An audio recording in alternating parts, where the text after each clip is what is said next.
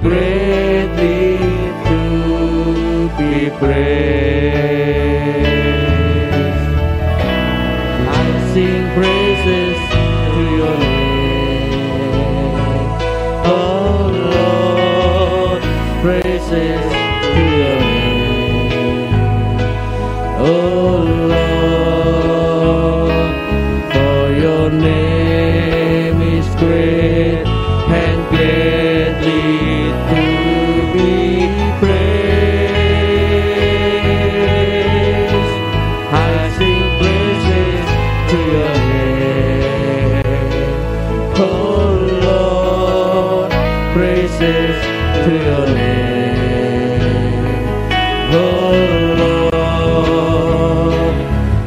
your name is great and greatly to be praised.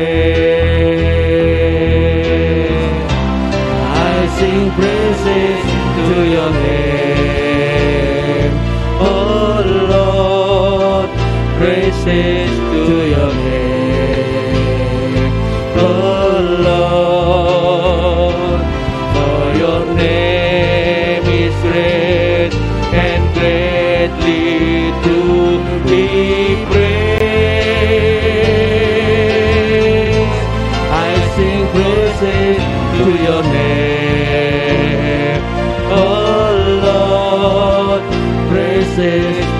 your name.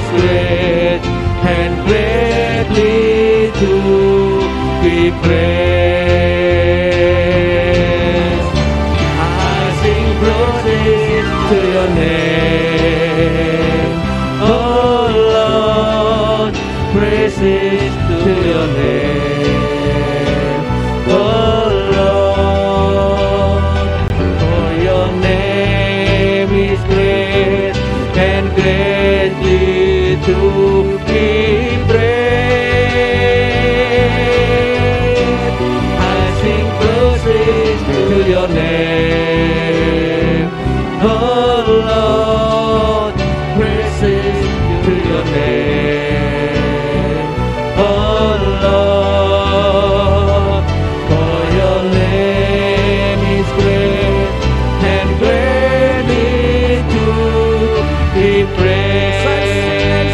I sing, and I sing, praises to your name. Oh Lord, praises to your name.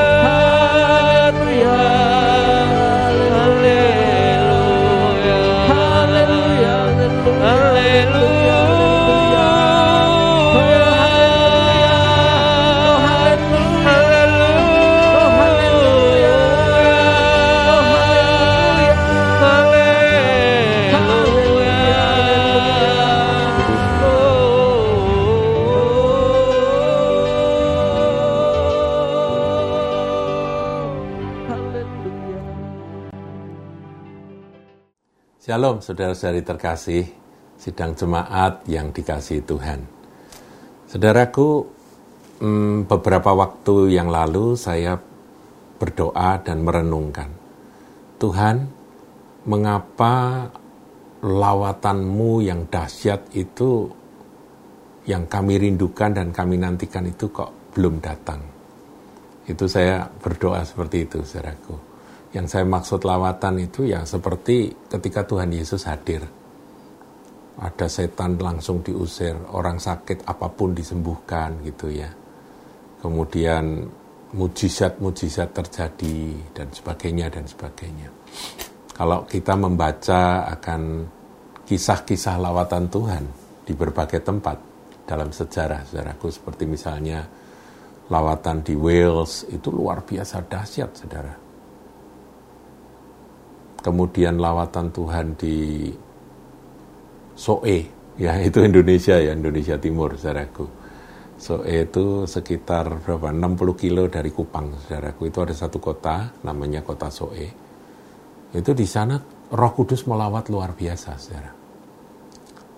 Dan mujizatnya, kesembuhannya, uh, apa karunia-karunia, manifestasi karunia-karunia roh kudus itu sedang melimpah ruah kalau sudah baca buku Like a Mighty Wind ya yang ditulis oleh Meltari yang keluar dari kebangunan rohani tahun 65 itu. Saudaraku, kita merindukan akan hal itu. Tapi sementara merindu-rindukan akan hal itu, Tuhan bawa saya untuk merenungkan akan sisi lain yang ini merupakan peringatan bagi kita supaya kalau kita merindukan akan lawatan Tuhan yang dahsyat, merindukan manifestasi kuasa Roh Kudus tanpa batas, kita harus ingat ini. Ini sudah pernah saya khotbahkan dalam satu khotbah minggu. Saudara mungkin masih ingat, tapi saya akan ulangi sedikit, saudaraku. Kita lihat Matius 11 ayat yang ke-20. Lalu Yesus mulai mengecam kota-kota yang tidak bertobat sekalipun di situ ia paling banyak melakukan mujizat-mujizatnya. Nah, jadi ini Tuhan Yesus sendiri ya yang yang mengecam. Jadi jarang ya Tuhan Yesus mengecam itu jarang.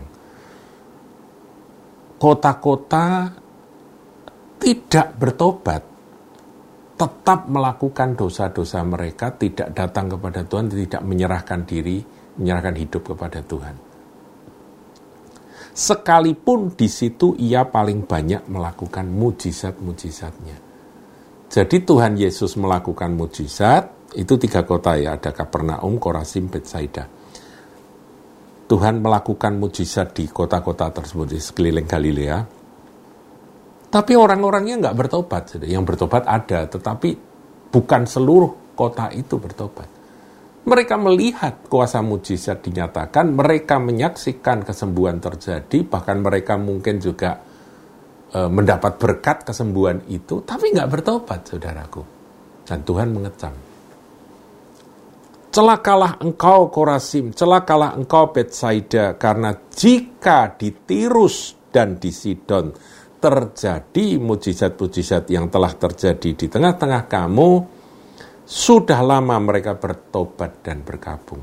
Jadi kalau mujizat ini terjadi di tempat itu, tempat itu, mereka tuh sudah ber, bertobat dan bergabung. Tapi kamu bandelnya luar biasa. Celakalah kamu, hai Korasim dan Betsaida. Tetapi, nah ini yang mengerikan ayat 22. Tetapi aku berkata kepadamu pada hari penghakiman, tanggungan Tirus dan Sidon akan lebih ringan daripada tanggunganmu. Artinya apa, saudaraku? Artinya kalau Tuhan itu mencurahkan rohnya, melawat, nggak usah nggak usah ngomong satu uh, satu kota atau satu daerah ya, satu jemaat lokal aja.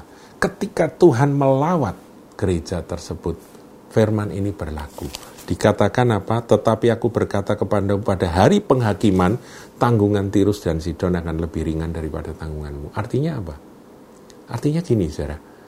Kalau kita menerima lawatan Tuhan, kuasa Tuhan dinyatakan, mujizat kesembuhan, setan-setan diusir, karunia-karunia, ya mujizat air jadi anggur itu terjadi begitu yang yang begitu-begitu terjadi itu berarti ada tanggung jawab yang besar saudaraku.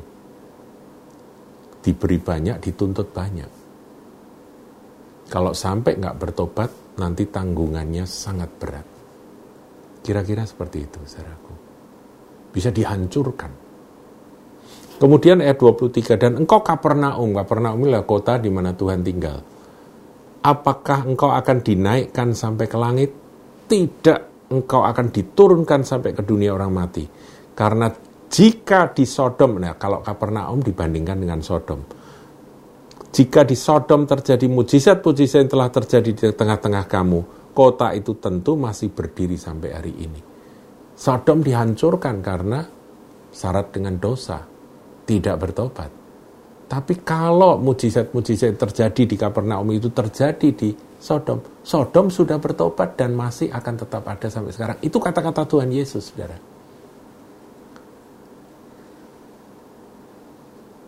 Jadi ada ada risiko dari sebuah lawatan Tuhan, ada risiko besar, ada tanggung jawab besar. Sebab itu saudaraku kalau kita merindukan Tuhan biar kuasamu bekerja, ingat risiko ini. Ingat tanggung jawab ini. Semakin Tuhan memberi, dia akan menuntut.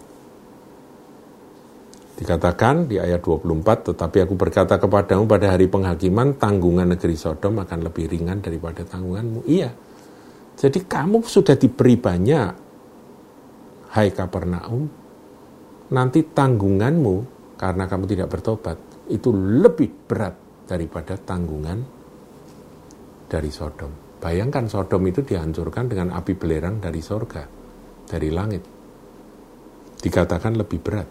Ini kata-kata Tuhan Yesus. Tuhan, apakah Tuhan itu mendramatisir akan ucapan-ucapannya? Enggak, ini kebenaran, saudaraku. Apa yang diucapkan oleh Tuhan Yesus itu adalah kebenaran. Jadi kalau kita ngerti bahwa apa yang diucapkan Tuhan adalah kebenaran, marilah kita dengan takut dan gentar. Kita sujud di hadapannya. Kita merindukan akan kuasa Tuhan bekerja. Kita merindukan karunia-karunia roh itu melawat kita. Tetapi kita harus memahami akan prinsip ini. Kalau engkau melawat Tuhan, aku aku harus lebih sujud lagi dan lebih takut dan gentar akan engkau lebih bertobat lagi jadi lawatan Tuhan harus seimbang dengan pertobatan dan kekudusan dari umatnya. Umat yang dilawatnya. Saya ingin ngajak saudara berdoa untuk sebuah lawatan Tuhan di gereja Kahal. Bapak Surgawi, lawat kami Tuhan di akhir zaman ini. Sehingga kalau ada yang sakit, ada yang berdoa, kuasa kesembuhan terjadi Kuasamu nyata dulu sekarang sampai selama-lamanya. Nggak ada yang mustahil bagi engkau. Namun biar takut dan gentar akan Tuhan. Menjadi tema utama yang tetap ada di dalam hati dan pikiran kami. Itu doa kami Tuhan. Seperti apa yang kami renungkan hari ini. Terima kasih Bapa. Di dalam kasih karunia Tuhan Yesus Kristus kami berdoa. Amin.